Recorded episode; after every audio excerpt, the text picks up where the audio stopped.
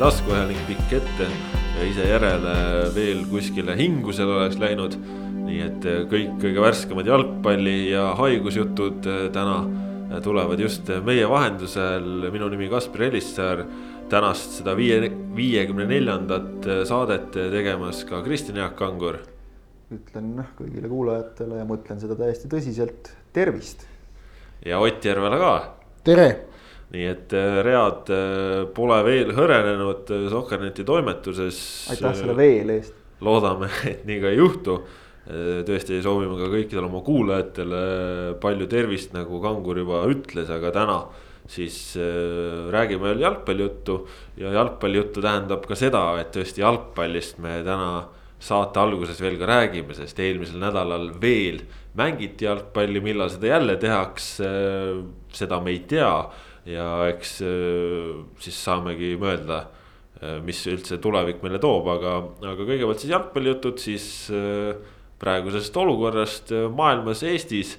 ja et teil oleks ikkagi natukene ka selline kirsike tordi peal saate lõpus ootamas, siis jagame ka mõned soovitused Äh, mida teha ja mida tarbida sel ajal, kui jalgpalli ei mängita. Aga hakkame pihta kõigepealt siis nende jalgpallijuttudega, sest nagu ma ütlesin. eelmisel nädalal jalgpalli mängiti ja, ja täitsa toredalt mängiti jalgpalli Eestis. Evald Tipneri karikavõistlused nädala sees toimusid.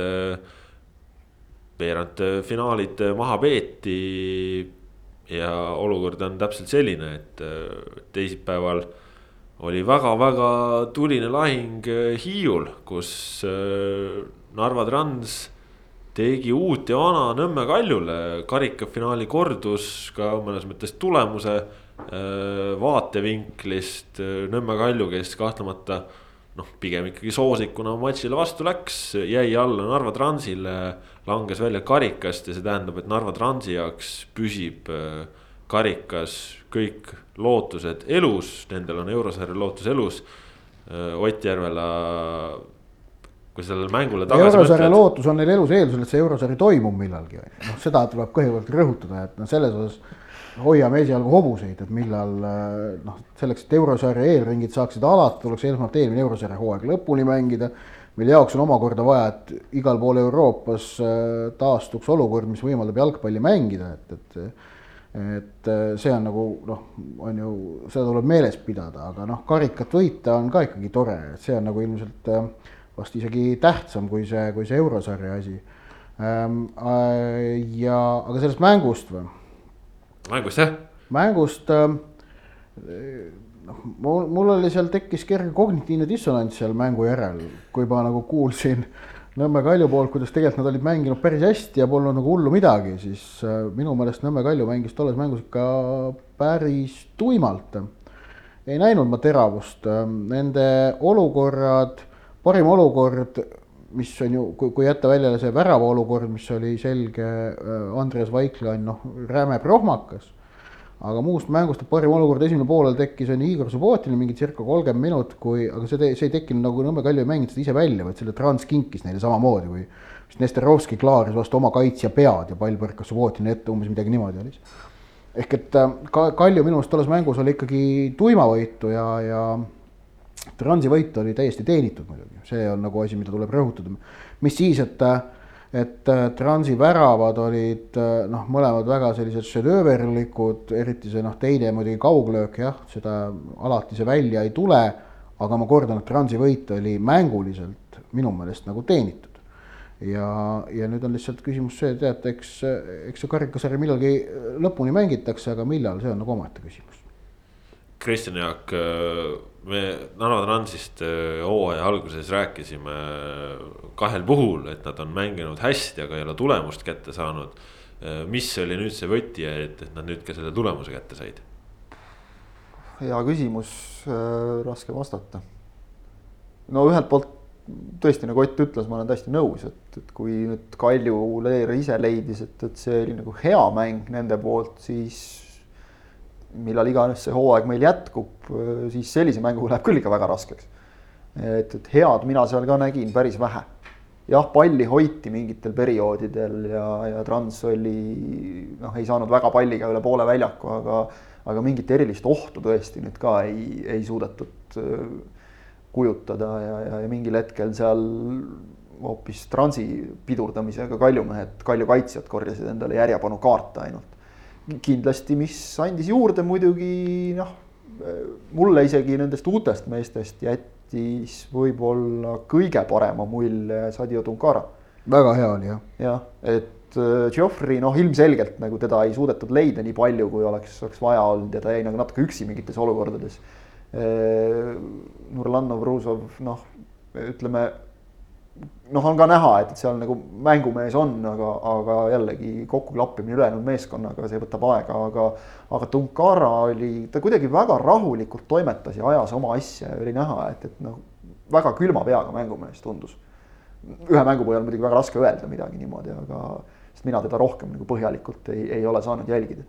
aga, aga noh, mis, mis Transile nüüd edu tõi, ma arvan, väga lihtne vastus tegelikult on see, et neil oli seda lihtsalt natuke rohkem vaja, seda võitu. loomulikult Kalju ei läinud sinna ka mütsiga lööma, aga, aga, aga Transil tõesti ainuke eurosarja variant on karikas ja, ja noh, selles mõttes oli, oli võib-olla ikkagi Tšenkovski on teinud oma töö noh, kas nüüd paremini, aga ütleme siis, ärme siis hakkame võrdlema, ütleme, et väga hästi.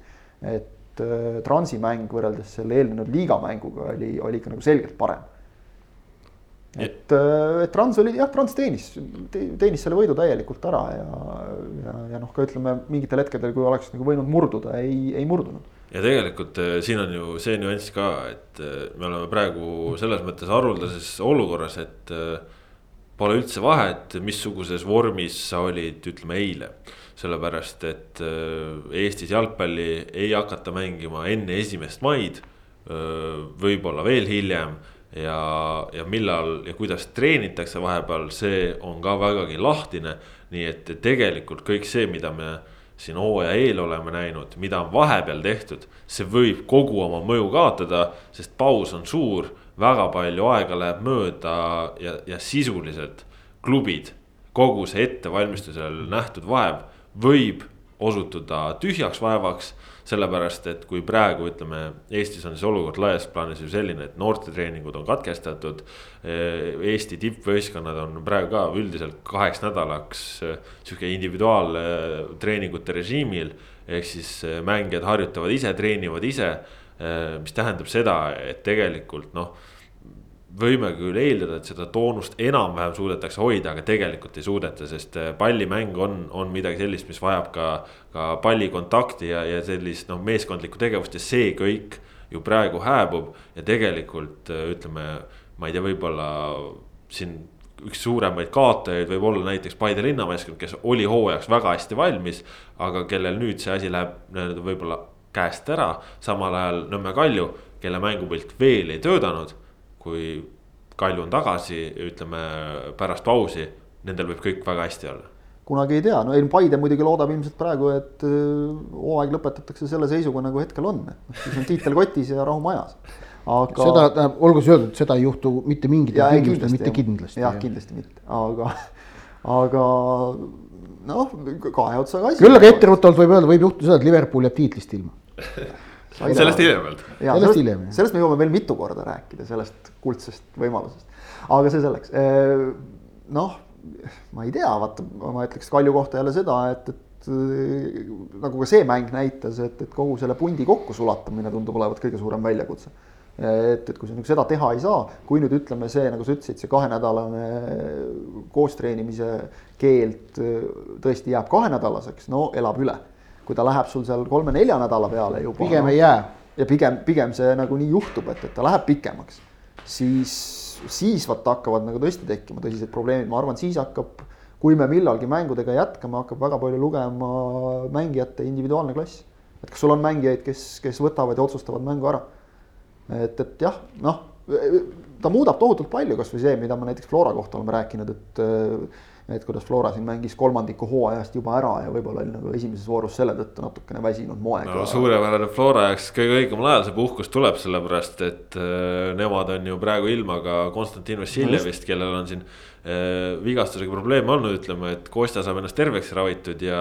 ja Flora suutis ka ilma Kostjata nädala keskel oma töö karikasarjas ära teha, kui seal Tartu Tammeka võõrsil kindlalt kolm-null helistati. mängiti kusjuures minu meelest väga hea esimene poolaeg. aga enne kui me selle mängu juurde läheme, tahtsin veel just öelda, et näiteks ka ühe seal Hiiul vigastada saanud Ofoso Opiah või, või ütleme, Viljandi tulevikul Kaimar Saag saavad terveks, et noh, need need võivad väga palju juba jõujooni muuta, et muidu siin oleks vist tulevik mänginud terve esimese ringi ilma saagita, et noh, see sealt oleks väga palju olnud võimalik ära anda ja noh, kõik siuksed asjad, et, et ikkagi jääme selle juurde, et täiesti ettearvamatu on see, et isegi kui tuleb liiga tagasi esimesel mail, nii nagu plaanitud. mis seal täpselt saama hakkab, kes, kes saab stardist, sellest uuest stardist, lendstardist nagu paremini minema, kes jääb koperdama. Noh, sisuliselt võimatu öelda praegu, väga palju muidugi sõltub ka sellest, et noh, ütleme mingil määral teatud klubidel ikkagi on eelised, et, et noh, kindlasti ütleme näiteks Narvas ka need individuaalse trenni tegemise võimalused ei noh, ei ole nii head. Kuigi siin juba nagu videosid on näha olnud ka, et, et noh. Narvas, mängijad... Narvas võib-olla paremad kui siin. noh, jah, võib-olla siin on jälle nagu läheb löömaks nagu, et, et kui sa tead, et platsi peal ei tohi nagu väga lähedale üksteisele minna, et, et siis ei jagu nagu jälle kohti ja aegu, aga. aga noh, samas ega nagu õiget spordimeest miski ei takista, me oleme siin näinud ka juba, kuidas kuidas premium-liiga mängijad trenni teevad, et mõni läheb koju, pall on jala peal ja step over'id käivad kogu aeg, et, et ei, ei ole probleemi. Aga nüüd sellest äh, mängust ka Flora Tammeka, noh Tammekalt siin hooaja alguses. no selles mõttes nende enda poolt ikkagi olid lootused kõrged. samas see hooaja algus näitas, et äh, see vähe täienenud Tammeka ikkagi väga veenev ei ole, et noh, kõigepealt see mäng tulevikuga, mis, mis ei olnud veenev. ja, ja nüüd see mäng Floraga, kus no tegelikult ikkagi väga reaalset vastupanu osutada ei suudetud. Ott, oled sa nõus sellega? jaa, ei suudetud küll ja no Flo-, Flora just ikkagi, see Flora esimene poolaeg Tammeka vastu oli minu arust väga muljetavaldav. no, no oli, vaata kust otsast tahad ja ja see, et noh, teisel standard natukene langes, noh, lõid küll ainult ühe värava, lõid ühe värava veel juurde, aga noh, siis oli Tammeka mängus see, see oli kõik nagu on ju loogiline, et, et seda tingis just nimelt see esimese poolaja skoor kaks-null. Ja, ja selles mõttes oli too mäng jah, nagu muljetavaldav, aga no kokkuvõttes ongi seis see, et kuna meil ikkagi paus tuleb niivõrd suur sisse, vähemalt poolteist kuud, äh, võib juhtuda väga vabalt, et, et rohkem, siis tegelikult kõik see, mis me seal hooaja alguses nägime, ei maksa mitte midagi see on tegelikult väga-väga karm, sest äh, hooaja ettevalmistus kestis detsembri keskelt äh, no ütleme a la märtsini. ja, ja nüüd vähemalt see kahe kuu vaev, noh. Sorry, aga, aga see võib minna osati prügikasti. no sellest, sellest tegelikult mööda ei saa vaadata. seal ei lähe prügikasti ei lähe kõik see, mis on, mis on, mis on tehtud mängijate füüsisega noh, see, see, kõik, kõik see, see võib väga lihtsalt minna selles mõttes prügikasti, et ma lugesin näiteks äh, Hispaania tippklubid praegu muretsevad väga palju oma mängijate pärast, sest äh, ütleme, seal on kogu aeg ju toitumine käib klubi järgi väga kindlalt suuniste järgi ja kui mängijad lähevad kodu, kodusele režiimile nad liigutavad ennast, nad peavad sööma korralikult, aga kas nad ka suudavad seda, seal võib tulla, tuleb kaks lisakilu juurde ja nii edasi. olukord ka selgelt keerulisem praegu Eestis, Hispaanias on juba kohati piirkondi, mis on, kus on põhimõtteliselt keelatud vist väljas liikumine kui ainult toidupoodi. Äh, samuti on selge see, et ütleme, suur Hispaanias on ikkagi ütleme noh, selgelt äh, rohkem linnastumist kui ähm, kui äh, näiteks Eestis. samas, samas sama... nendel Hispaania mängijatel, kuna nemad teenivad sellist raha, siis nendel on kodus jõusaal olemas ja, ja treeningvarustus olemas. Eesti mängijatel äh, Mustamäe korteris ei ole seda jõusaali. see on ka tõsi, et aga ei, ma ikkagi ütlen, et äh, noh, jah, kõik see, mis puudutab kokkumängu, see läheb muidugi vastu taevast, aga see läheb kõigil täpselt samamoodi, et seal nagu seda nagu muret ei ole, et noh, et ongi, ega see olukord on igal pool täpselt samasugune ja, ja selles mõttes kõik saavad proportsionaalselt täpselt samasuguse paugu. et selles mõttes nagu ei ole niimoodi, et kellelgi oleks nagu seis seetõttu kuidagi parem või halvem. Äh, kõigil on üht, ühteviisi halb ja, ja muidugi noh, sportlaste tase muidugi langeb selle aja jooksul. aga noh, et, et, et noh, on ka ütleme võimalik kasutusele võtta meetmeid, et kõik ei läheks vastu taevast. Jah, tõsi on küll see, et ega jalgpall endale säärast erandit ei saa nagu Eestis nagu pälvis täna hommikul potentsiaalne Tokyo olümpiadelegatsioon, teatavasti Eesti spordiobjektid on suletud. Aga nüüd siis nendele sportlastele, kes on taganud koha Tokyo olümpial või sinna veel nagu pürgivad reaalselt, nendele EO, Eesti Olümpiakomitee koostatud nimekirja alusel avatakse Audentese äh, spordihall ja vist ka Pärnu sõudebaas, ma sain aru, et, et aga see on ikkagi rangelt ainult nendele ja see on ka põhjus on siis otseselt see, et praeguse seisuga olümpiamängud toimuvad, kuigi ma ise noh, ma ei usu elu sees, et need tegelikult toimuvad aga niikaua, kui on see võimalus õhus, on loogiline, et noh, et sportlased peavad selleks valmistuma, neile siis ütleme erandkorras need tagatakse, jalgpallil jah, seda võimalust ei ole, baasid on kinni, nende keela, kasutamine on keelatud.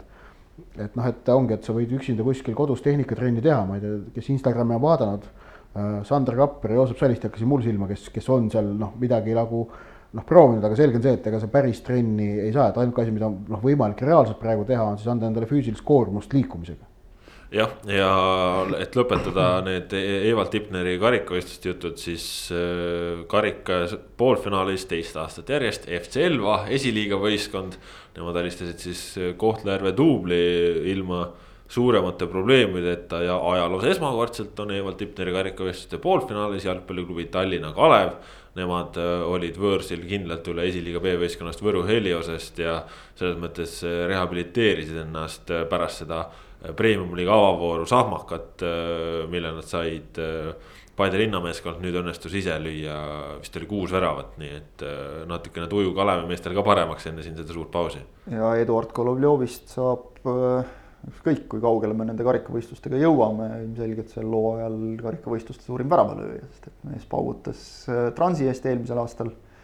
ja nüüd siis Kalevi eest jätkas, sealt, kus pooleli jäi, Kübar vist, kui ma õigesti mäletan. kolm tükki jah. kolm tükki, nii et jah, pole paha Pole paha, nii palju siis Evald Tipneri karikavõistlustest, mis vormis ja kuidas see kõik edasi läheb. seda saame näha tulevikus, idee poolest peaks reedel olema poolfinaalpaaride loosimine ei olegi nüüd ausalt öeldes uurinud, kas see toimub. idee poolest loosida ju võib ikka siis on ju paarid teada, et. saaks korra mingi põnevuse üles nagu jälle. jah, et siis kusjuures tegelikult ju need poolfinaalid peaksid mängitama maikuus, kaksteist, kolmteist mai, nii et pff, karikavõistlused idee poolest võib-olla ei ole vaja ühtegi sekendust sisse teha, et saame näha, et võib-olla loositakse ära ja, ja pannakse kalendrisse kirja ka, nii et äh, mine tea. aga, aga tõesti, see siis ees ootab nagu, nagu juba öeldud, siis Transflora, Kalev ja Elva on seal edasi, see tähendab seda, et kui Paide linnameeskond tahab saada eurosarja, mis kunagi toimub. siis äh, on nendel vaja nüüd pöialt hoida Florale, Kaljule enam pöialt hoida ei saa. vot, aga natukene meistrite liiga jutte ka, sellepärast et äh, need mängud ka veel äh, nädala sees toimusid, tõsi, seal paljuski ilma pealtvaatajateta. noh, Atalanta, Valencia, seal käisid asjad päris noh, kiirelt, Atalanta näitas mida nad arvavad ja kuigi Valencia seal natukene punnis, siis ega nad väga vastu ei punninud teistes paarides ka.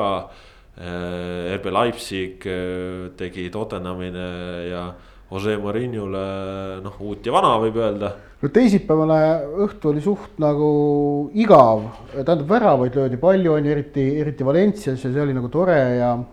et tegelikult kusjuures Leipzig Tottenhami mäng, et noh, skoor oli lõpuks väga ühepoolne aga mäng oli tegelikult täiesti vaadatav ausalt öelda, isegi siis, kui Leipzig juhtis, noh, Leipzig läks kiiresti kaks-null juhtima. et nagu Tottenham tegelikult ju proovis küll ja noh. aga ega nad peale ei löönud, see oli probleem. jah, no nad ei jõudnud peale löökida, aga noh, tegelikult mängu kui sellist oli küll väljakul ja Tottenhami poolt ka. et, et selles mõttes nagu noh, ei olnud nagu selline noh, mõttetu veeretamine on ju, nagu see võib siis olla aga, aga noh, seal muidugi jah, Leipzig oli kohe kahe mängu kokkuvõttes selgelt üle, aga noh, seal, seal oli nagu ikkagi no Tottenhami need vigastused, noh, nende kahe tippründaja vigastused, see ikkagi jättis sellele paarile väga selge jälje. No nägime lihtsalt seda, et kui Tottenham ei ole aastaid sisuliselt oma meeskonda äh, polsterdanud täienduste mõttes, siis ühel hetkel äh, see probleem ja mure lööb välja, et isegi kui sa nüüd siin viimasel hetkel oled mingid vangerdused teinud, siis noh, sellest ei ole piisanud, sest äh, kui meeskond on õhuke, siis ta on õhuke ja, ja. Jose Murillo on siin pikalt rääkinud, kui õhuke see on ja, ja näeme, et, et kui mehed on puudu, siis sa jalgpalli ei mängi. jah, noh, samas meenutame ka seda, et, et äh, siin viimastes mängudes üks nendest uuematest ja kõige kallim täiendus, Tanguin Dombele on olnud ikka noh, allapoole igasugust arvestust. et et äh, ma ei tea nüüd noh, ütleme. no hooaja keskel toodud mängijatega no, sageli on jah, keeruline no,. noh, aga läheb, võib minna väga hästi, nagu Bruno Fernandesiga läks Unitedil, võib aga, minna täiesti tuksi. Aga... ütleme pigem vist ikkagi nagu läheb nii, et jooksevad natukene lati alt, eriti nagu tundub ka, et mida kõrgem hinnasilt, seda noh, Bruno on pigem erand. aga, aga ütleme nii, et, et Tottenhami mängus on nagu oluliselt rohkem probleeme kui, kui see, et, et, et sul kaks nagu põhilist väravalööjat on väljas, et, et seal, seal need asjad on ikka palju rohkem mädad ja tõesti jah, eks need juured on seal, et, et vahepeal ei, ei tugevdatud, see loomulik protsess peab kogu aeg käima ja noh, ega nüüd sealt oma noortest nagu ei ole ka midagi väga peale tulnud, et. ühe paranduse teen, Tombele liitus Tottenhamiga suvel. noh, seda hullem. no kurat, ma mõtlesin, et läks sassi. seda hullem, aga jah ta oli no. vigastatud vahepeal. ta on kogu aeg vigastatud, see on ta probleem. vot sellepärast tundub ta nagu, on, mäng, nagu uus mängija. see on tihtipeale probleem jah, kui mängija on kogu aeg vigastatud, eriti kui ta suure raha eest on toodud mm. -hmm. aga jah, Atalanta Valencia, noh, seal on, tuleb ainult Valenciale kaasa tunda, et, et kõigepealt said Atalanta käest tappa ja siis said koroonaviiruse ka veel, et tundub vähemalt nii, et. et ja väga sellised selle, selles mõttes nagu Atalanta, noh, jube kahju on praegu, et, et ei näe, kuidas neil nüüd niipea vähemalt, et kuidas neil nüüd edasi läheb, sest et et äh, jõle värskendav on see, et, et kui tuleb sul meeskond, kes tõesti nagu siiralt ongi selle suhtumisega, et, et ei huvita, palju te lööte, me lööme ikka rohkem ja löövadki. et. Äh, ja, ja ütleme, et, et. uued näod selles hirmus jälle viimastel aastatel seisva veega, veega nagu Euroopa tippklubi jalgpallitiigis, need on alati väga värskendavad. ja ütleme, seal on ka seda suhtumist, et me oleme esimest korda, meil ei ole kaotatud mitte midagi, me oleme lihtsalt parema. see, see on kihvt jah. aga nii ongi ju täpselt nii peab. see on kihvt jah, aga noh, ütleme natuke dramaatilisem oli see meistrite liiga kolmapäev. oli, oli. alustame võib-olla BSG ja Dortmundi Borussia mängust. Dortmund läks mängul vastu kaks-üks eduga, aga BSG noh enne mängu räägiti Erling Braut Haalandist, äh, nüüd pärast mängu räägitakse Neymarist, et äh, Neymar seal proovis, tahtis, lõi ära ja, ja tähistas nagu Haaland ja, ja võib-olla. ütleme mängust äh, tähtsam oligi ja rohkem kõneainet pakkus see, mis toimus seal siis pärast mängu, aga noh, ütleme siis veel, et. BSK lõi ka teise värava ehk siis kaks-null eduga nad järgmisesse ringi jõudsid ja, ja selles mõttes Dortmund jäi välja napilt, sest tegelikult nad mängisid hästi. seal oli ikkagi ka lõpus, kui Emre Can sai täiesti arusaamatu punase kaardi ja nad mängisid kümnekesi ka siis. see oli absurdne punane kaart. ka siis suudeti mängulist ülekaalu omada, nii et ütleme nii, et BSG nagu mõnes mõttes jopas äh,. said oma väravad kätte ja ja see neid edasi viis, aga, aga see, mis seal pärast toimus, et eh, noh. lasteaed toimus pärast, ma ütleks. et eh, noh, ütleme BSG võiks nagu rääkida Levin Kursavaga äkki, kes, kes klubis mängib, et, et ta vast mäletab veel seda, kui ta kunagi noorteklassis eh, rootslasi mõnitas ja juhtus see, mis tihti juhtub, et kes pärast naerab, naerab paremini. Erling Braut Haalandi värava tähistus võrreldes selle Kursava tähistamisega, kus ta läks ikka noh, konkreetselt nagu lõpuminutitel löödud äh, väravat rootslastele nii-öelda näkku tähistama ja ilkuma nende üle. žest oli siis see, et äh, noh, pani niimoodi käe nagu silmade kohale, kes ei mäleta, et äh, võib-olla nooremad jalgpallisõbrad, et et noh, te näete finaalturniiri või näete umbes täpselt nii palju. rootslased panid seal finaalturniiri kinni ka veel ja siis muidugi tähistasid kõik samamoodi. see oli nagu mõistetav. praegu Haaland, noh, ta tähistas väravat esimeses kohtumises. see ei olnud mitte mingil moel, vähemalt minu arusaamist mööda küll suunatud kuidagi nagu BSG mängijate vastu ega, ega nende pilkamiseks ega midagi sellist.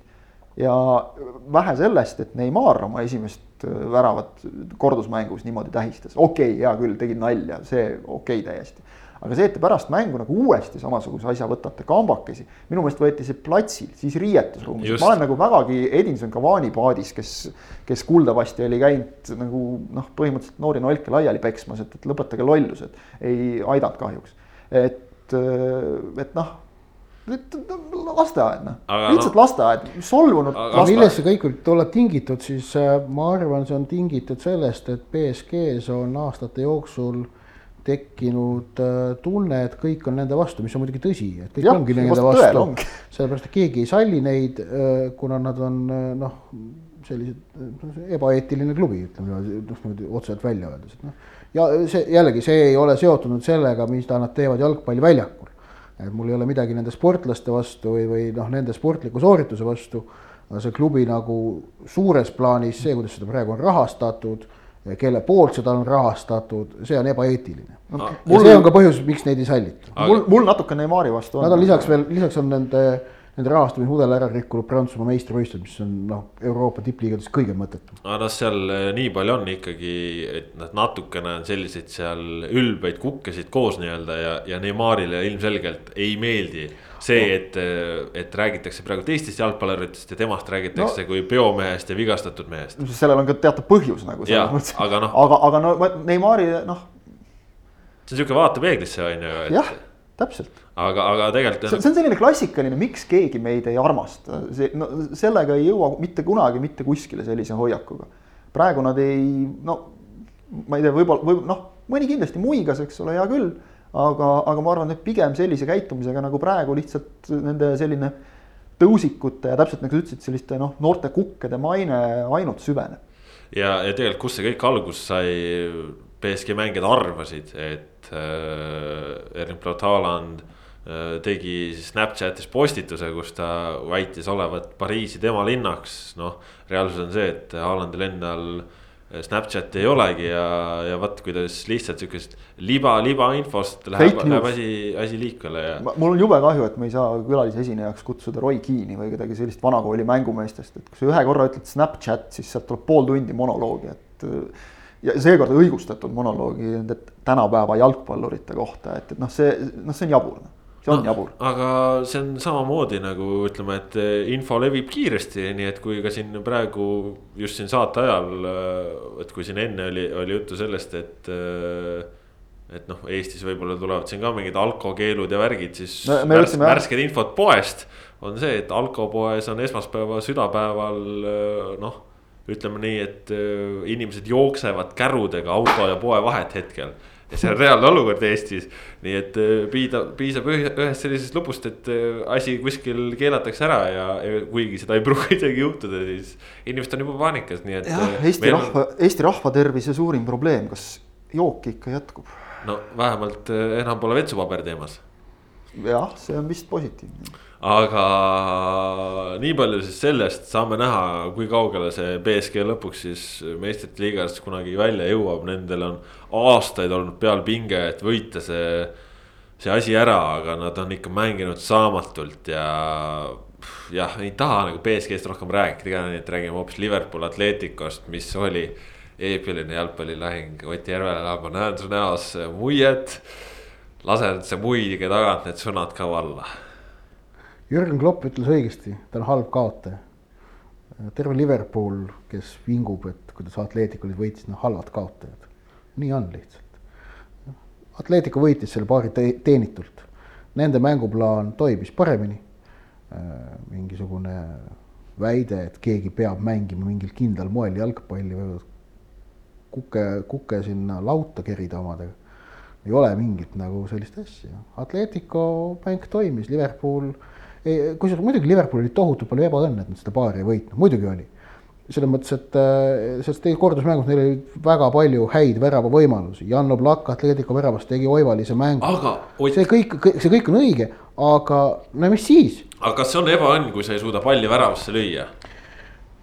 no ütleme nii, et kui Janno Plakk on fantastiline jalgpallur, siis see ei ole seotud õnnega, see on seotud sellega, et vastane on väga hea. no siiski tähendab noh ja ei, vastane oli väga hea ka, aga ikkagi noh, oli ka Liverpoolil ikkagi arvestav hulk ebaõnne, ma jään selle juurde.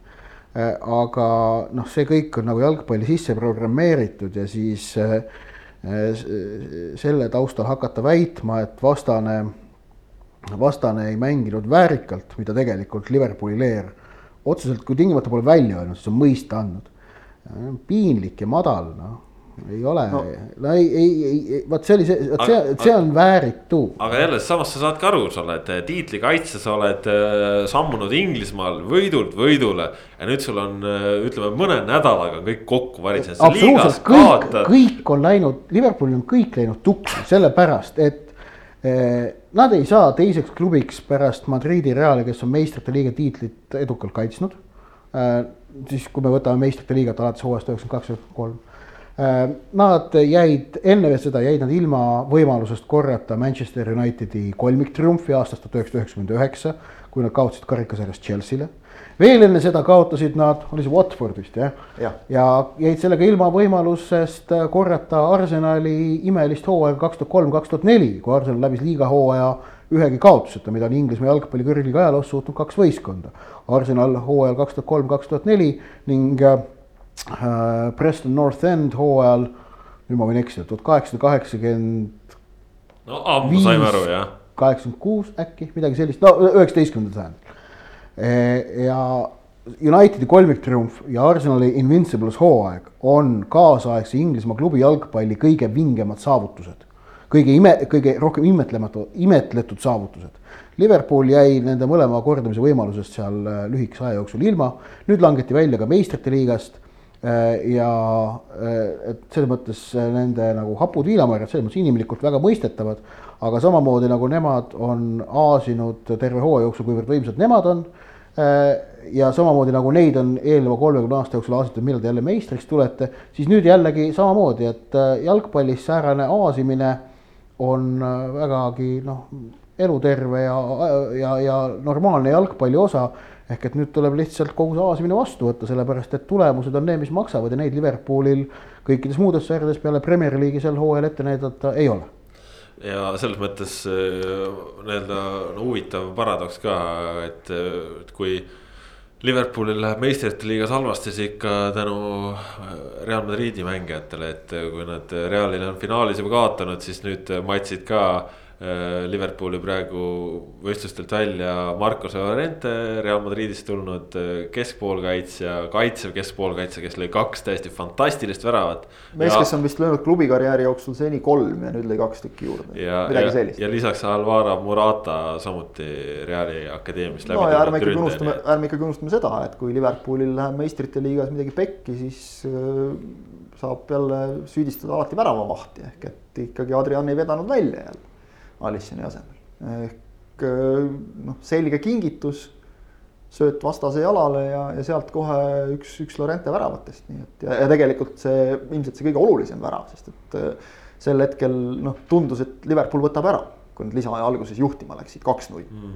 juhtima ja, ja tundus, et on kõik, aga noh, keda Liverpool süüdistada saab muidugi veel iseennast. tuletame meelde ikkagi, et äh, meistrite liiga play-off mängud koosnevad kahest mängust ja esimeses mängus ei suutnud Liverpool äh, Atletico kodustaadionil teha mitte ühtegi raamilööki. et noh, sinna see jäi tegelikult lõppkokkuvõttes, sest see on teada, et null ühega tagasi tulla on noh, suhteliselt keeruline iga vastase puhul, Atletico puhul eriti. kõik need jutud sellest äh, proper football'ist ja no põhimõtteliselt ma kordaks seda juttu, mida Ott juba rääkis, et, et puhake jalga nagu, et noh. ei ole olemas sellist asja nagu proper football. aga mul noh. Simeone, nagu Simeonel on täielik õigus panna oma meeskond mängima täpselt nii, nagu tema heaks arvab. lisaks sellele julgen ma väita, ei mänginud Atletico korduskohtumises mitte mingit sellist äh, bussi parkimisest või, või betoon, betoonkaitsest lähtuvat mängu. see ei olnud inetu mäng, see oli kaitsel põhinev mäng, ma tahaks alati nagu. kaunis kaitsemäng, veetlev ma tahaks, nagu Eestis on veel eriti nagu naljakas kuulata seda, et kui sa mõtled, mismoodi Eesti koondis noh, üleüldse saab mängida. no me oleme proovinud mängida seda, et, et paneme ka sama ründavalt nagu Belgia, ei tulnud liiga hästi välja. et või, või Eesti klubide eurosarjas, et, et kaitsest lähtuv mäng ongi nagu noh, tegelikult meie trump, nüüd loomulikult jah, on, on nagu ütleme võib-olla ei ole seda mõne arvates nii ilus vaadata, aga ma ütleks selle kohta, õppige siis ise nautima selle kaitsemängu võlusid et tihtipeale jalgpalli vaadates on noh, see, et keegi driblab kellestki mööda ja keegi paneb kaugelt ristnurka ja et noh, need on nagu ainsad ilusad asjad, saab. et justkui nagu kaitsemängus, kaitsemängu organiseerituses või selles Atletico tohutus hingestatuses ei olekski mingit ilu, täpselt sellist hingestatust oleks vaja olnud Liverpooli hooaja lõikes. Eh, selleks, et täita kõik need eesmärgid, mida Ott juba mainis, sellest ei puudu, keskendumine kadus ja sealt hakkas noh, jube imelik on rääkida praegu Liverpooli selle hooaja puhul, et umbes hakkas asi minema allamäge.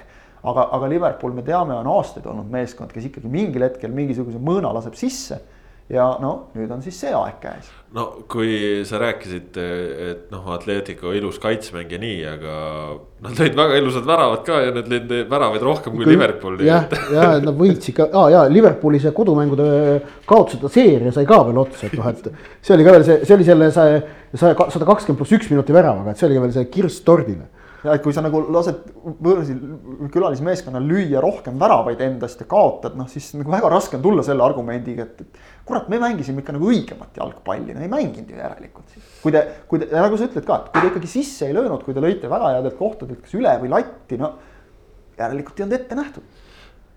tsiteerin Kaido Koppelit äh, Tartu Tammeka hooaja eelvaatest, mille ma ise kirjutasin äh, meie, meie hooaja eelvaatest. Äh, küsin ta käest, kas Tammekat peab olema mõnus vaadata? Kaido Koppeli vastus, jah, jalgpall on pealtvaatajatele ja peab pakkuma vaatemängu. samas on vaatemäng iga inimese jaoks erinev mina näiteks suudan nautida mänge, kus Madridi Atletico hoiab palli kakskümmend protsenti mänguajast, aga teeb oma asja ära. samal ajal naudin ka seda, kui mängitakse palliga väga ilusat ja kombineerivat jalgpalli. kõike tuleb osata. kui olla hea ainult ühes asjas, tähendaks see liiga naiivset lähenemist. noh, kuldsed sõnad, võttis kogu meie jutu kokku ja, praegu. Ja, ja seda ta ütles siis ennem seda kordusmängu muuseas. Mitte ja, midagi ei ole lisada sellele tõesti. mina, mina lisan äh, ainult äh, nii palju veel sellise natuke teistsuguse nurga alt, et äh, mul täitsa hea meel, et, äh, et Liverpool nüüd nagu tappa sai, sest nagu inglastega on selline probleem, et kui neil nagu hästi läheb, siis nad arvavad, et nad on maailma valitsejad. aga, aga, aga nüüd nad said aru, et nad tegelikult ei ole, sest nagu Liverpooli, ma ei tea, fännid, kogu see kõik nagu muutuvad nii ülbeks, nad arvavad, et nad ongi nagu noh täiesti võitmatud, aga ma ütlesin vist juba sügisel, et kui Liverpool nii hästi mängib, siis nad järelikult meistrite liigat kindlasti ei võida, sest tuleb kevad ja.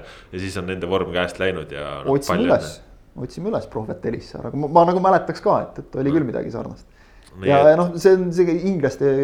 kaastunne kõikidele tuttavate Liverpooli fännidele siin meil oma toimetuse sees ja võib-olla Rahvusringhäälingu sporditoimetuseski selliseid korüfeesid ja, ja, ja kuskil veel mujalgi, aga noh no neid jagub jah igale poole, jumal paraku, aga see selleks, et. nojah, see ongi, no vaata, noh, et ma väidan, et seda, seda nagu ebatervet lähenemist ja seda vingumist seda vastikut vingumist tuleb eelkõige selliste ortodoksete seast, no umbes nii nagu Urmi Rein on ortodoksne savisaarlane on ju, tegi seal meedia keskpunkti. Liverpoolil on samasugused, sugused ortodoksed äh, tegelased olemas. mul tuleb meelde ükskord, kui ma, äh, see oli aastaid tagasi, Manchesteris olin äh, puhkamas ja, ja vaatasin seal mingit, mingis pubis mingit Liverpooli mängu ei olnudki Manchesteri klubiga, äkki oli mingi Liverpool, Chelsea või midagi sellist, noh. aasta võis olla mingi umbes kaks tuhat kaksteist, kolmteist, midagi sellist. ja seal oli siis naljakas oli see, et seal pakkus nagu sellist nagu kõigile enamikele baaris viibijatele pakkus sellist noh, meelelahutust üks Liverpooli fänn. Oli ennast noh, Manchesteri Liverpooli fänn olla, see on muidugi ometi teema, aga noh, ta oli seal. oli ennast igatepidi mähkinud mingisse salli ja mütsi ja siis põhimõtteliselt no Liverpool sai tappa jälle nagu alati on ju ja nagu, nagu ta Chelsea käest toona sai, on ju. ja, ja noh, kes seal jälle peatreener, pärast oli mingi Roy Hodgson, mingi säärane naljakas vend või oli Kenny Dalglish tagasi toodud jaama. Äh, ja, ja, ja, äh, ja siis ta põhimõtteliselt ta kiunus põhimõtteliselt kõik see üheksakümmend minutit kiunus iga asjale. No otsus, kus sa näed, on kaugele on näha, et no ei ole mitte mingit noh lõhna ka penaltist on ju It's a penalty! It's a penalty! It's a, it's, it's a, it's a motherfucking, it's a motherfucking disgrace, they don't give penalties to Liverpool. lõugas, kõigil teistel oli väga naljakas.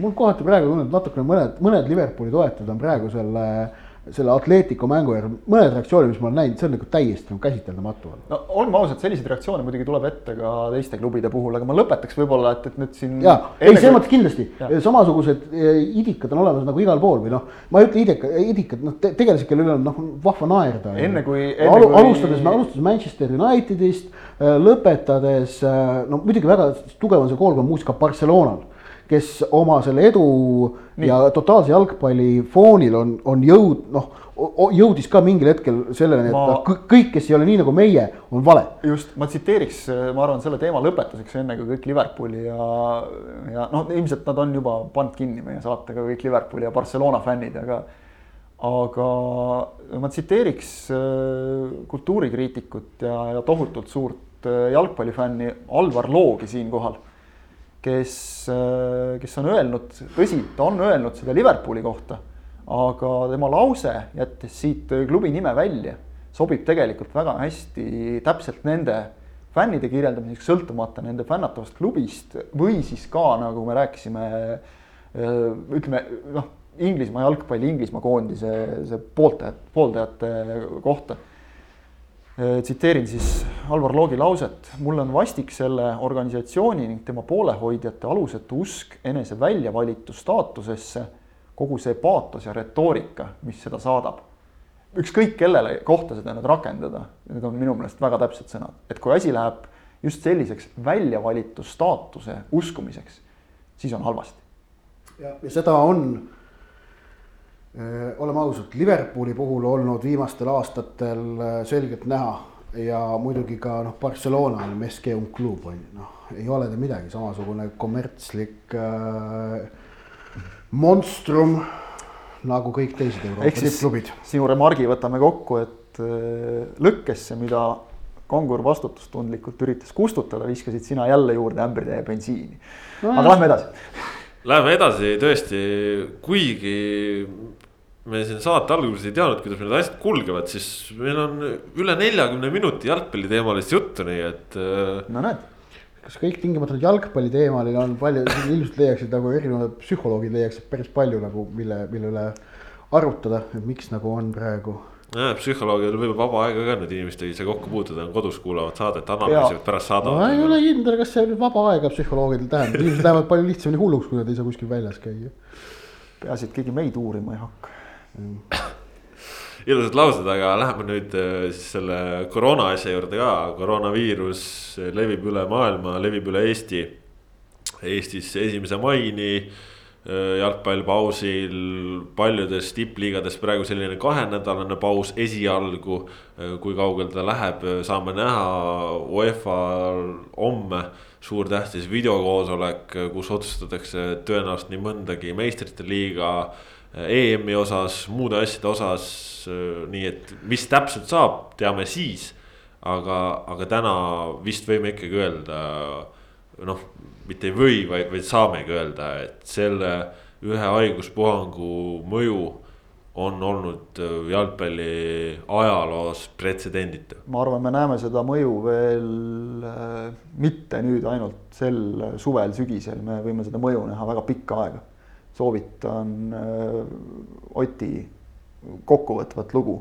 Sokkerneti eest lugeda, ei ole meil mõtet hakata siin kõike praegu ümber rääkima, seal on kõik põhipunktid äh, välja toodud. Äh, ei ole kõik seal no, nagu võimatu on kõike välja tuua. põhipunktid, nagu ma no, ütlen, kõike ei ole, ei ole võimalik välja tuua, sest, sest noh, need, need tulevad ilmselt mingid asjad, millest, mida me praegu ei oska isegi, millele me ei oska mõelda. Need tulevad välja alles, alles asjade käigus ja täiesti sõltuvalt sellest, et kui pikaks see paus nüüd venib, ma isiklikult öö, oleksin väga üllatunud, kui ükskõik milline Euroopa tippliiga enne esimest maid mängiks, sest ärme unustame seda ka, et üks asi on see, et võib-olla saab leevendada mingeid liikumispiiranguid juba ja kogunemispiiranguid. teine asi on see, et, et kui ütleme esimeseks maiks näiteks on, on öö, oma kuus nädalat möödas, mõnes riigis isegi kauem sellest, kui viimati mängiti, need meeskonnad peavad ju kuidagi uuesti vormi ka saama kui sul praegu Arsenali meeskond näiteks ja neid on ju veel, eks ole, kes Valencia vist läks ka täielikku karantiini või oli see Atalanta, noh, neid on veel ja neid tuleb veel kindlasti, kus terve meeskond no,. Real Madrid juba. ja Real, eks ole, ja kõik, et, et kus terve meeskond on karantiinis, mitte lihtsalt ei ole treeningpaus, vaid, vaid nad on täismeeskonnaga karantiinis. kogu klubi, kõik, kogu klubi personal. siis äh, on ju täiesti selge, et, et noh, millal need mehed ennast liigutama võivad üldse hakata, eks ole. kellel on, muidugi see on nüüd Äh, väga oluline teema, et, et kellel on ikkagi ka neid on ja tuleb veel juurde see viirus läbi põetud. kuidas see mõjutab nende organismi? Neid tuleb ju tohutult jälgida. Äh, mõnes meeskonnas võib neid mängijaid olla päris mitu põhimeestest ja nii edasi.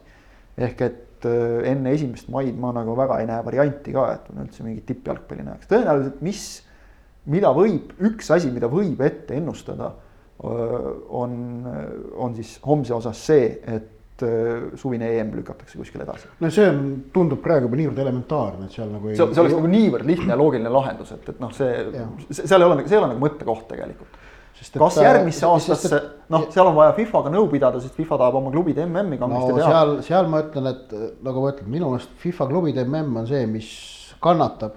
Äh, FIFA klubide MM-i ei taha mitte keegi peale FIFA.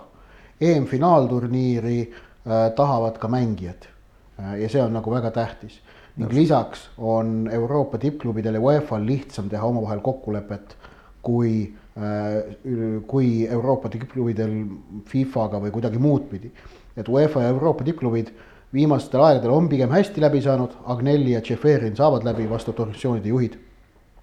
kuigi noh, Agnelli juhitav organisatsioon suures plaanis on nagu noh, jalgpallile halb äh, aga noh, see, see jutt on üks pikem jutt, millest me saame siin vahepeal ilmselt mõnes saates rääkida, sellepärast et meil tuleb nüüd saateid, kus tuleb rääkida asjadest, mis ei ole otseselt väljakul toimuvaga seotud.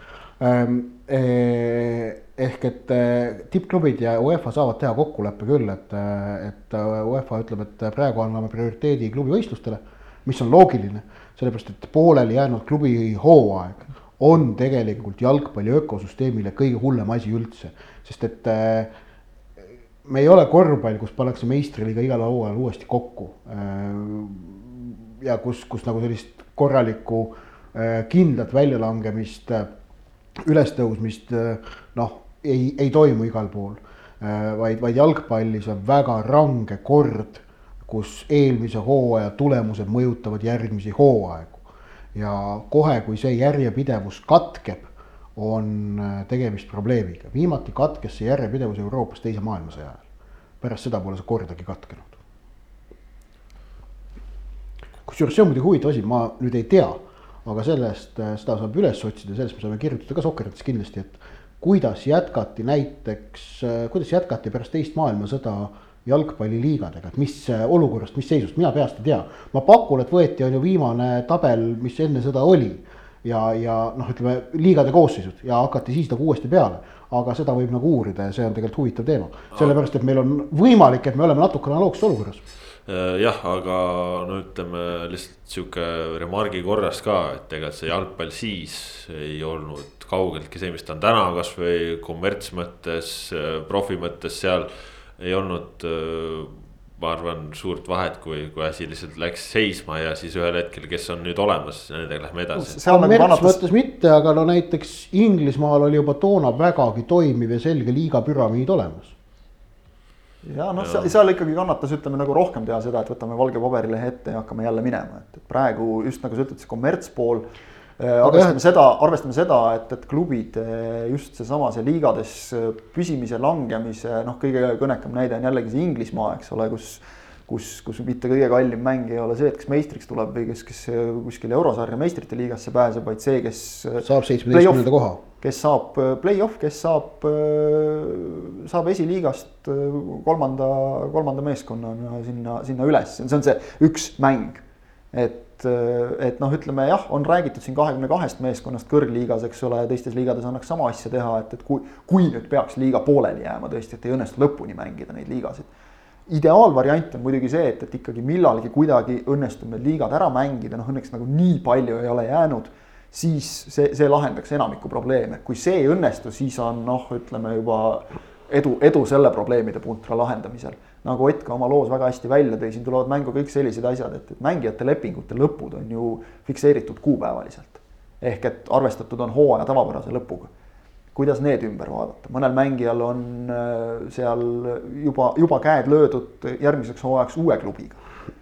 kõik need asjad, et noh, jah, ja me teame väga hästi seda, kui tihedad on äh, tippliigad, eriti tippliigad, aga tegelikult ka juba väiksemate, vaatame meie oma meistriliigad siin, äh, kalendrid meil on vähemalt see pluss, et kuna me mängime Eestis neli ringi, siis noh, sealt ühe ringi nagu väljalõikamine, väljaviskamine ei ole nii keeruline, kui on äh, suuremates liigades, kus mängitakse kodus võõrsil kaks ringi.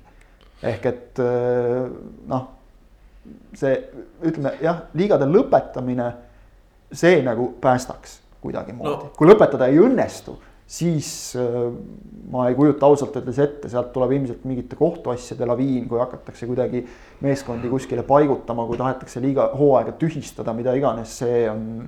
Ma arvan, see on nii, nii õudne perspektiiv, et sellele ei taha praegu UEFA-s ka keegi mõelda. ja et no kui ütleme, et siin Eesti näitel kasvõi vaatame, et äh, korvpallid, käsipallid on siin oma hooajad lihtsalt ongi punkt peale läbi, meie rohkem ei mängi. kõik, kes on legionär, võõrlegionärid, võite koju ära minna vaatame tulevikus edasi, mis saab, on ju, siis äh, jalgpalli tundub, et kõige reaalsem stsenaarium on ikkagi EM lükatakse edasi kui nüüd maikuus näiteks ühel hetkel hakatakse mängima, siis mängitakse hooajad lõpuni, kui on, ütleme, mai-juuni, sul on kaks kuud, et mängida suurusjärgus, ma ei tea, kaksteist vooru. mängitakse lõpuni ja, ja siis selle pealt vaadatakse edasi, et noh, näiteks Hispaania jalgpalliliigas on, on Javier Tebas on, on öelnud, et Hispaanias on kindel eesmärk hooaeg lõpuni mängida, seal on ju Barcelona ja Reali vahel väga kõva tiitliheitlus käimas ja nii edasi. ja samas siin ongi noh, seesama lepingute nüanss, et näiteks seesama Hispaania näite peal. La Ligas on siis kahekümne meeskonna peale sada viisteist mängijat, kelle leping lõpeb kolmekümnendal juunil. ehk siis äh, see on see hulk, kelle lepingud saavad juuniga läbi, nüüd on küsimus, et kas kui ühel hetkel õnnestub jalgpalliga uuesti nii-öelda jätkata, kas see õnnestub ära mängida juuni lõpuks, kui ei, siis me oleme väga-väga palju keerulisemas olukorras.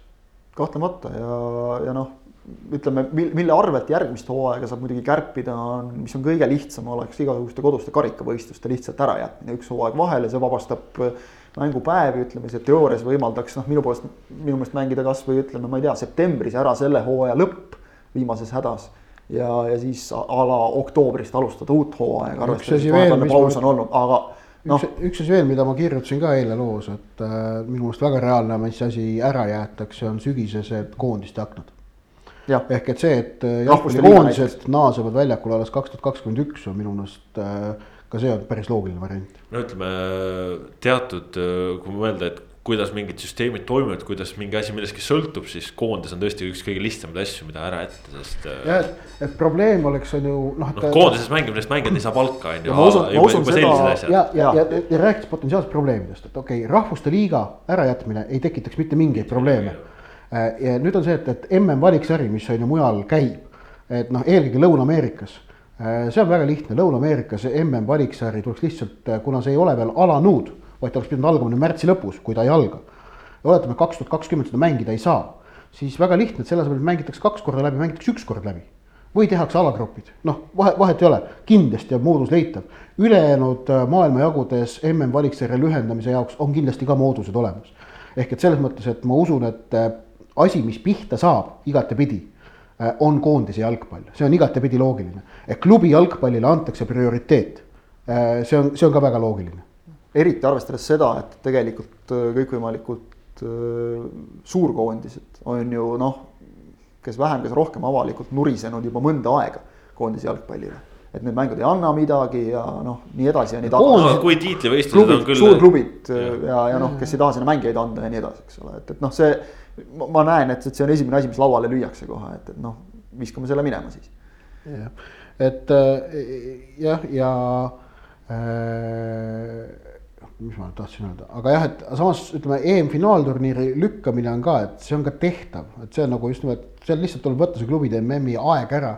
ja klubide MM omakorda tõsta kas kaks tuhat kahekümne kolme peale kaks aastat edasi lükata või siis kaks tuhat kahekümne viie peale, kui oleks, peaks teine klubide MM olema. kakskümmend kolm suvel on ka see vaba aken olemas no,. kannatada keegi, saavad. keegi ei janule selle klubide MM-i. FIFA januneb väga no,. Nad on ainsad. ja janulevad ka tegelikult kõikide teiste maailmajagude tippklubid kindlasti nojah, sest nendel pole väljundit maailmas. just ja Euroopa tippklubid, kui neile tagatakse sealt kõvasti raha, siis nad tahavad ka seda teha. aga äh,. no aga nii jah, palju raha neile seal ei tagata. mõnikümmend miljonit per nase noh, arvestades, et, et võib, Euroopa see... tippklubid tahavad niikuinii oma superliigat ikkagi teha mingil määral, siis noh, küll nad, küll nad huvitatud oleks, aga, aga jah, et, neil on kergem sellest loobuda. aga nagu kokkuvõttes, mis me siin oleme rääkinud, mis kõik võib juhtuma hakata ja, ja mul on tunne, et noh veel lisan juurde, et, et äh, olukorda, mis valitseb Hispaanias, Itaalias vaadates tundub ebatõenäoline, et seal maikuus saab mängima hakata. ja, ja noh, näiteks Guillem Balag, noh, Hispaania tunnustatum jalgpalliajakirjanik ütles, et pärast Seed Love'i äh,. nii ja naa äh,, et, et ilmselt on Euroopas piirkondi, kus ei saa veel kuude kaupa, mitte siis ühe-kahe kuu, vaid kuude kaupa jalgpalli mängida. ja äh, see omakorda tähendab äh, probleeme on ju siis eurosarjade käivitamiseks, need peavad toimuma sünkroonis äh,. aga, aga, aga jah, et äh, ilmselt tuleb vaadata otsa ka võimalused hooaeg kaks tuhat kakskümmend, kakskümmend üks klubi hooaeg. mängitakse väga paljudes Euroopa riikides mingil lühendatud kujul. Näiteks üheringilisena on noh, kui me võtame, kui me võtame, oletame näiteks, võtame näiteks Premier League'i, et kui juhtub, et eh, noh, et oled, Premier League saadakse millalgi noh, ma ei tea, juunis jätkatakse mängudega, mängitakse a la umbes, ma ei tea, noh augustini välja, et saaks hooaja lõpetatud Äh, siis uuel hooajal tehakse lihtsalt üheringiline, kakskümmend klubi, aga mängivad ühe ringi. Noh, loositakse, kes kellega kodus, kes võõrsil, mõlemal umbes noh, pooleks, pooleks neid mänge ja. Jah, ja kuna ütleme siis see, kõik... see puudutab neid liigasid, mis on äh, sügis-kevad formaadis on ju. et, et need, mis on kevad-sügis formaadis nagu Eesti siis ja mis on nii-öelda algusjärgus alles, siis lihtsalt tehakse lühemalt. jah, jah, soomlased, soomlased näiteks ütlesid kohe, et nemad ei hakka enne juunit midagi mängima, et, et sinnamaani on aega, vaatavad, arutavad, ilmselt teevad, eks ole, ka lühemalt, Rootsi kindlasti lükkab edasi oma liiga alguse, noh. Seal, seal on nagu selles mõttes lihtsam, et seal on praegu, lükkad natuke edasi ja nüüd on aega mõelda. aga ühesõnaga kõik võimalused, mida muidu nagu jalgpallis ei kaalutaks ka mitte, on nüüd laual.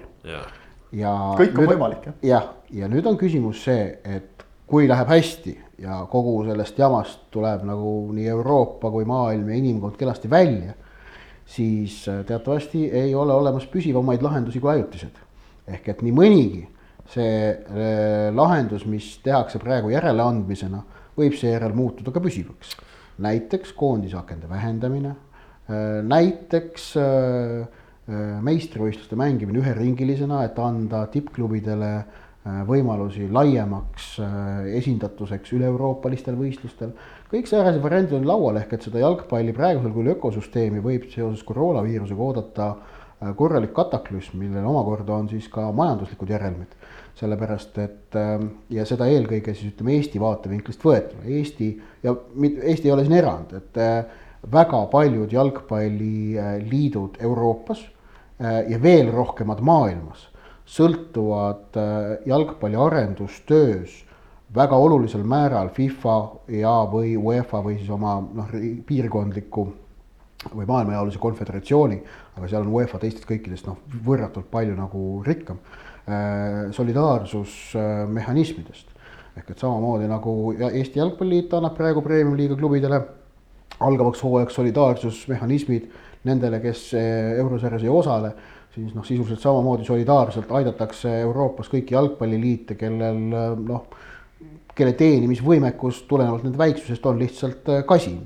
ja, ja noh, see ühesõnaga see selles mõttes maailma jalgpalli ökosüsteem on ka praegu kindlasti löögi all. ta on muidugi niikuinii löögi all olnud juba viimased kümme aastat, sellepärast ongi eelkõige seoses läbi Euroopa tippklubide soovi äh, moodustada superliiga, mis äh, tagaks nende äri ja lõpetaks ära sõltumise sportlikust tulemusest. ja, ja no kui siit tuua Eesti tasandit ka veel natukene mängu, siis kui Eestis on ka noh, teatud ringkondades ikkagi nõutud, et liiga reformi oleks meil vaja, siis see aasta kahtlemata liiga, liiga reform mingil kujul meieni jõuab, sest tundub väga vähe tõenäoline, et sel aastal kolmkümmend kuus vooru jalgpalli mängitakse. kindlasti ei mängita, ei see, no miks peakski. just, aga.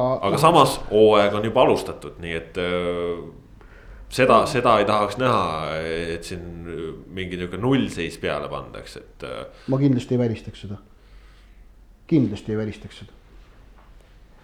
Välistada ei saa muidugi, aga noh, tundub, tundub, tundub nagu ebavajalik tegevus. hooaeg nulli, noh see sõltub kõik sellest, millal me jätkata saame. kui suvel on võimalik jätkata, siis saab siin rahulikult kaks ringi ära mängida näiteks, kõik tehtud kui ei ole võimalik jätkata, siis, siis ma ka ei välistaks absoluutselt, et. kui on, kui, kui on stsenaarium, et, äh, et näiteks jalgpalli meistrivõistluses mängitakse kas kolme või kaheringiliselt, Eestis sel aastal oli nelja ringi asemel. Ja nendega alustatakse siis noh, kas millalgi, ma ei tea, mais või äkki hoopis juunis-juulis. siis selle märtsis mängitud esimese vooru kehtima jätmine tundub äh, ebaotstarbekas. aga miks? lihtsalt sellepärast, et see on liiga kaugel sellest ülejäänud, see on ebaotstarbekas. ei tea. ma tean, Paidele praegu üldse ei meeldi, mis ma räägin, on ju. ei no selles mõttes, et mi- mis seal vahet on, ütleme, et kui, kui liiga sa. pikk distants. no ongi, see ongi liiga pikk distants. See noh, see, ja, ja liiga väike osa võistlusest, mis on mängitud. vaata autospordis on ka kena reegel, et kui on alla viiekümne protsendi nagu sõidetud võistlusest, oli vist viiskümmend siis on, protsenti, siis on pooled punktid. siis on esiteks ei, ei, ei. ei, sul on õigus jah, see oli. siis, siis, siis nagu äh, hakatakse nullist peale. kui on nagu rohkem sõidetud, siis jätkatakse sellest kohast, kus, kus alustati ma ei tea, jalg, jalg, jalg, kui sa tood jalgpalli paralleeli, siis kui on mängitud piisav osa ajast ja mäng katkestatakse, siis arvestatakse lõpptulemus, kui katkestatakse varem, siis jätkatakse selle koha pealt, kus jäi pooleli, see on ma jalgpalli ikkagi arvan, loogika. et see esimene voor, mis sa, sina, sina arvad nii, mina ütlen, et see oleks jaburus, sellepärast et miks sa peaksid tühistama asja, mille sa saad. kui sa mängid kaks või kolm, kaks või kolm ringi, siis ju ringides on needsamad vastasseisud on ju olemas, sa võtad sealt need vahelt välja ja pole, mis. jah, ei tühistada. Ei vot. ma ei ütle igaks juhuks mitte midagi, ära ütle midagi. jääb viiki hetkel. punktid pooleks nagu just, ega me ei teagi, mis otsustatakse, mis otsustatakse, selgub kunagi tulevikus, aga vähemalt me oleme nüüd oma suud paotanud. ja me teame, me teame, kes on Eesti jalgpallis ikkagi lõppude lõpuks otsustaja, et meie need ei ole ilmselgelt. mis kurat. no Joel Lindpere ei ole nõus, kui sa ütled, et sa otsustaja oled, ma arvan, siin läheb ütlemiseks. me jõuame arutada seda veel Lindperega ja kõigi teistega ka, tervisi tallegi. Äh, aga siia saate lõppu äh, meil on planeeritud ka natukene selline kultuurirubriik, ehk siis nüüd, kui jalgpalli ei ole ja oleme nii oma toimetuse sees kui ka.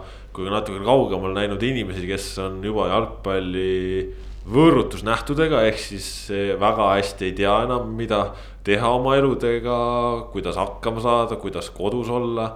kuidas oma aega sisustada, siis me head inimesed tuleme praegu vastu ja anname natukene kultuurisoovitusi. kas meil on praegu vabatahtliku Kristjan Jaak Kangur, tahad sina äkki alustada soovitustega? vot minul on väga raske selles mõttes nagu siin on juba küsitud ka loomulikult viimastel päevadel, et noh, mida sa soovitad jalgpallist. Et ma nagu tihti oma vaba aja ka jalgpallist ülejääva aja veedan nagu ka ütleme siis nagu tingimata nagu mitte jalgpallilise sisu peale kul aega kulutades. aga kui me jalgpallist räägime, siis äh, mõtlesin jah, natukene enne saadet ka, et äh, leidsin riiulist üks päev üles äh, raamatu, võib öelda sarjast juba äh, Secret Footballer, mis on väga huvitav, neid raamatuid kindlasti on tellida ju saab ja e-raamatuid, noh, on veel eriti turvaline praegu endale tellida. et, äh, et, et neid kindlasti kuskilt on veel, veel saadaval Inglismaal, ma isegi peast ei ütle, kolm-neli on nüüd kohe vähemalt kindlasti ilmunud, kus siis äh, nii-öelda tundmatuks jääda sooviv jalgpallur jagab oma oma, oma elukogemusi. see noh, spekulatsioone on palju olnud, kes see täpselt on, see on põnev.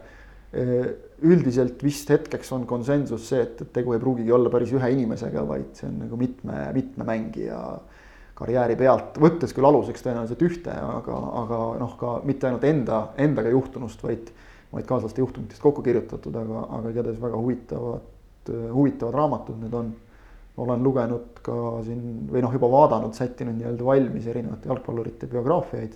Neid leiab kindlasti, need on mõttetu soovitama hakata, igaühel on omad, omad lemmikud, aga noh, jällegi kindlasti internet aitab, et millist raamatut on mõtet osta, millist mitte, sest väga palju igasugust haltuurat ja jampsi liigub ka, nii et soovitan hoolikalt valida. see nüüd on küll rahaline soovitus selles mõttes, et, et seda, sealt tuleb natuke raha maksta, aga mitte palju see, et sisu eest peab raha maksma, on normaalne. see on jah kohutav asi muidugi, et The Athletic, ma arvan, sealt leiab nüüd netist endale küll igaüks sisu, et, et selle eest jah, Otil on täiesti õigus, et pidage meeles, et head asjad ei olegi tasuta elus tavaliselt. Sokkernet on. no Sokkernet on jah, me oleme liiga hea asi selleks, et raha küsida, aga, aga üldiselt jah mina soovitan, seal, seal on nagu ja noh, kui, kui tele, teleasjadest, siis Netflixi ma saan aru, ma ise Netflixi vana, ei vana hea kasuta. Sunderland till I die. Net, Netflixi ma ise ei kasuta, aga ma saan aru, et seal on tegelikult jalgpalli sisu päris Olen ka aru saanud, olemas. aga ma võin, mina soovitan raamatuid ja soovitan raamatuid läbi äh, kirjanike, jalgpallikirjanike ehk et äh, võtke ette siis noh, kuskilt, kus e-raamatuid müüakse, need tulevad on ju kohe kohale sul praegu, et ei ole mõtet hakata tellima, kui mul endal tõsi, enamik on ikkagi paberkandjal, aga noh, ma. et äh, autorid, keda ma soovitan, on Jonathan Wilson ähm,. ja, ja kusjuures vaadake kohe tema täitsa neid vanemaid raamatuid isegi. noh, Inverging the Pyramid, mis on põhimõtteliselt jalgpallitaktika ajaloo aabits, ütleme niimoodi äh,. väga huvitav äh, raamat, mis aitab äh, jalgpalli süsteemsusest minu meelest paremini aru saada. aga noh, kui see on sellisest, äh, see on sellisest rohkem äh, noh, jah, ütleme noh, taktika poolest, kuigi mitte kindlasti mitte kuivalt kirjutatud, siis, siis on tal ka väga palju muid erinevaid muid raamatuid. Inglismaa jalgpallikoondise ajalugu läbi kümne kohtumise, Manchester Unitedi kohta samasugune raamat tal on noh, ja veel Argentiina jalgpalli kohta väga huvitav raamat ja no nõnda edasi, leidub kõvasti, minu üks lemmik on veel. mis selle täpne pealkiri on, ei tule meelde, aga põhimõtteliselt Väravvahtide üksikust elust, et. et tema on üks, keda soovitan, uuematest on Michael Cox, äh, kellel on paar head raamatut välja tulnud. ja noh, tegelikult seal siis võib seda jalgpalliklassikat ka erinevalt lugeda ja, ja David Winneri Brilliant Orange muidugi, mis on tegelikult kultuuriraamat minu poolt siis äh, siia natukene vaatamissoovitusi, üks asi on lugemine, aga, aga nagu ka Juho Ott mainis, siis äh, tegelikult nii Netflixis kui Amazon Prime'is äh, kui ka mujal on äh, kättesaadav väga palju jalgpalli teemalist sisu, filme, dokumentaale, sarju. ja võib-olla selline esimene soovitus on, on mu isiklik, ma ütleks, võib-olla lemmik jalgpalliteemaline dokumentaalfilm. ja see on siis kahe tuhande kuueteistkümnendal aastal inglaste, brittide ja Iisraeli koostöös valminud Forever Pure ehk siis äh, igavesti puhas mis räägib siis äh, sellest, kuidas raha, võim ja poliitika äh, mõjutavad ühte jalgpalliklubi, seda siis. Jeruusalemma Beitari näitel, mis on siis ajalooliselt noh, selline juutide pärusmaa olnud ja, ja kuidas siis kõik see elu muutub, kui sinna saabuvad kaks moslemist eh, jalgpallurit, see on kõik päris elust.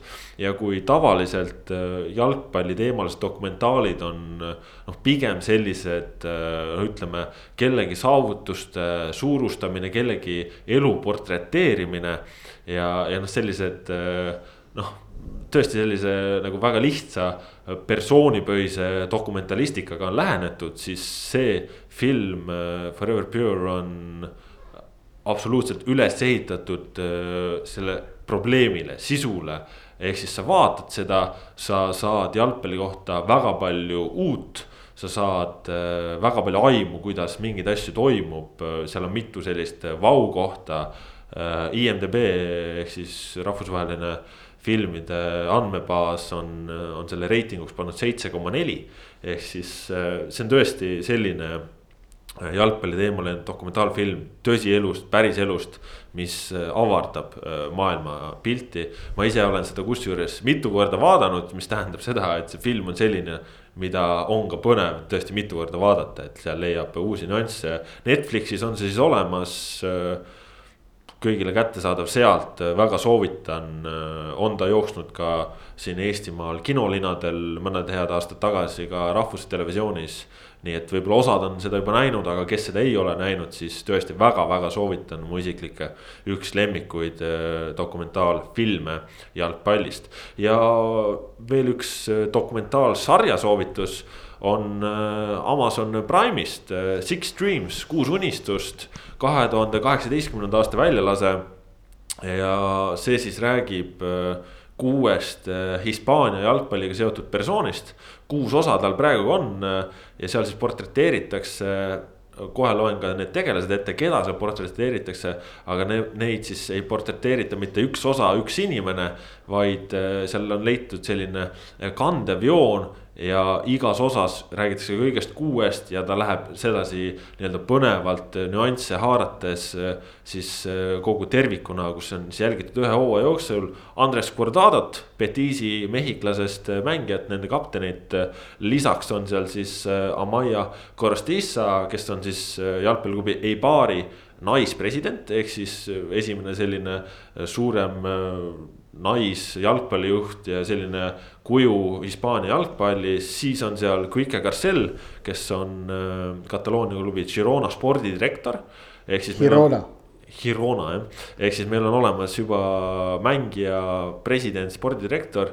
lisaks on seal Saul Niguez, Atletico poolkaitsja Eduardo Berisso, kes oli toona siis Sevilla peatreener. ja Inaki Williams, äh, Bilbao Atleticu, äh, Atletic Bilbao ründaja äh, ja see on siis klubi, kus mängivad ainult kohaliku päritoluga jalgpallurid. nii et sellist kuus põnevat persooni näidatakse siis ühe hooaja jooksul seal erinevaid nüansse, seal on kellel on tervisega probleeme, kel, kes kuidas mingit elu elab, kuidas klubid majandavad, milliste probleemidega seisab silmitsi Eibar väikeklubina. Tõesti hästi põnetav, põnev vaatamine Amazon Prime'is saadaval. IMDB reiting seitse koma üheksa, ma ise seda hetkel vaatan, ta on mul pooleli tõesti huvitav vaatamine. kas seal on Eibarist endast nagu sellistest, kui linnast on ka natukene juttu? Või näidatakse seda kogu seda keskkonda, kus see klubi toimub. ja, ja, ja absoluutselt. see on nagu fantastiline, sest noh, Eibar tegelikult ka, et see ei ole naljaasi, et see on kolmekümne tuhande inimesega linn, kus toimub Hispaania kõrgliiga klubi. sellest kõigest on seal väga-väga palju juttu. ja, ja see Eibar ise, ta on väga võluv linnakene, ma olen seal korra käinud, et see ja siis see oli mängupäev, kui nad mängisid Madridi Realiga tol päeval ja see oli, see oli, see oli nagu noh, põhimõtteliselt oli nagu karneval linnas, noh sihukene paila käis igal pool, et noh ja võimatu oli mitte seda kõike nagu niimoodi täiesti nagu noh, ammuli sui vaadata ja imetleda, et, et äh.... kui, kui anda selliseid äh, natukene nagu sihukest semispoilereid, siis ütleme. Eibaari osas, mis seda naispresidenti puudutab, siis seal on noh, kõik on väga hästi videos, kuidas äh, Eibaarile tõid edu presidendi jalas olevad kingad ja kuidas mängijad juhivad tähelepanu, et äh, proua president, teil on valed kingad jalas, mine vaheta ruttu ära Äh, presidenti proua läks äh, kingasid vahetama, samal ajal kui ta oli tribüünil teises ruumis. Oma kingasid vahetamas ja sai need jalga, löödi värav nii et ta ei näinud äh, seda, mis, mis, mis löödi ja jooksis tribüünil, seal on selliseid seiku. noh, Berissol väikese spoilerina puudutab ja videos on see hetk, kus tal avastatakse munad ja vähk. ehk siis seal on noh, tõesti fantastilisel ajahetkel on, on, on need kõik asjad kaamera ette saadud ja väga põnev vaatamine ja. ja Amazon Prime'i, miks ma tegelikult praegu soovitan veel väga-väga palju jalgpallidokumentaale. seal on Manchester City's dokumentaal, seal on äh, Sergio Ramosest, äh, Rafael Varannist, Tony Kroosist film äh, ja nii edasi. Netflixis on, on tõesti veel siis Carlos Tevesed, Boca Juniors, Dortmundi Borussia ja nii edasi, Diego Maradona nii et. Äh, spordidokumentaali žanr on viimastel aastatel minu meelest tohutu arengu läbi elanud ja suuresti just nende Netflixide. Amazon Prime'ide, täpselt nende, nende platvormide kaudu, et ma ise näiteks vaatan praegu teisest spordialast rääkides äh, vormel ühest teist hooaega tehtud äh, sarja Drive to Survive ja, ja noh, mis mis oleks täiesti mõeldamatu kuskil ütleme BBC-s või, või mis iganes muudes kanalites, mis väga suurelt muidu seda ala kajastavad. Eh, lihtsalt see vahetus, noh, sa näed seda reaalset elu. täpselt nii need asjad käivadki ja, ja ütleme, et, et siin on väga suur roll ka sellel, et eh, ühelt poolt on need dokfilmi tegijad on pälvinud sellise usalduse ja teiselt poolt, eh, et, et noh tõesti ka klubid on muutunud palju avatumaks selles osas, eh, kuhu ligi lastakse.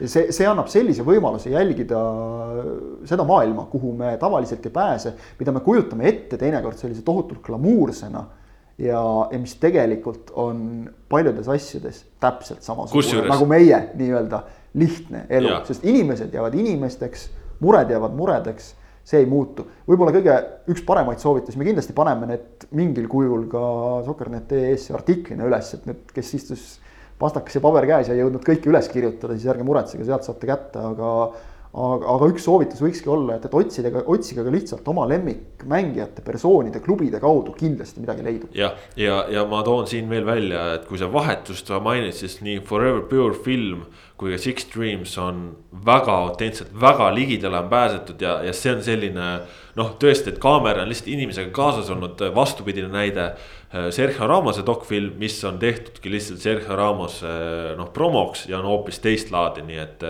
et need dokfilme on erinevaid, aga, aga sellised siis täna meie soovitused ja selline oli ühtlasi ka viiekümne neljas saade, Sokkernet teie pikk ette ja ise järele. milliseks äh, meil siin see tulevik kujuneb, ütleme ausalt, ei tea praegu prognoosida. selge on see, et äh, erinevalt mõnest teisest kanalist meie oma uksi kinni ei pane, jalgpallilist sisu äh, vahendame ja toome teieni endiselt, Sokkerneti tasub lugeda. proovime teile sinna järjest huvitavat lugemist ka pakkuda kuidas ja mis kujul, kas podcast jätkub vahepeal, kas läheb pausile, siin võib tulla asju, et võib-olla tuleb mingisugune paus, aga kindlasti on selge see, et Soccernet laias plaanis oma uksi kinni ei pane ja, ja lugemist pakume. nii et ja pakume lugemist ka koroona välist, nii et, et jalgpall Soccerneti jääb, ma loodan, et jääte ka teie. soovin teile kõigile tõesti palju tervist, käituge mõistlikult olge hoitud. selline oli viiekümne neljas saade, saate tõid teieni Kaspar Elisser, Kristjan Jaak Kangur, Ott Järvela. millal kohtume, saame näha. Adjöö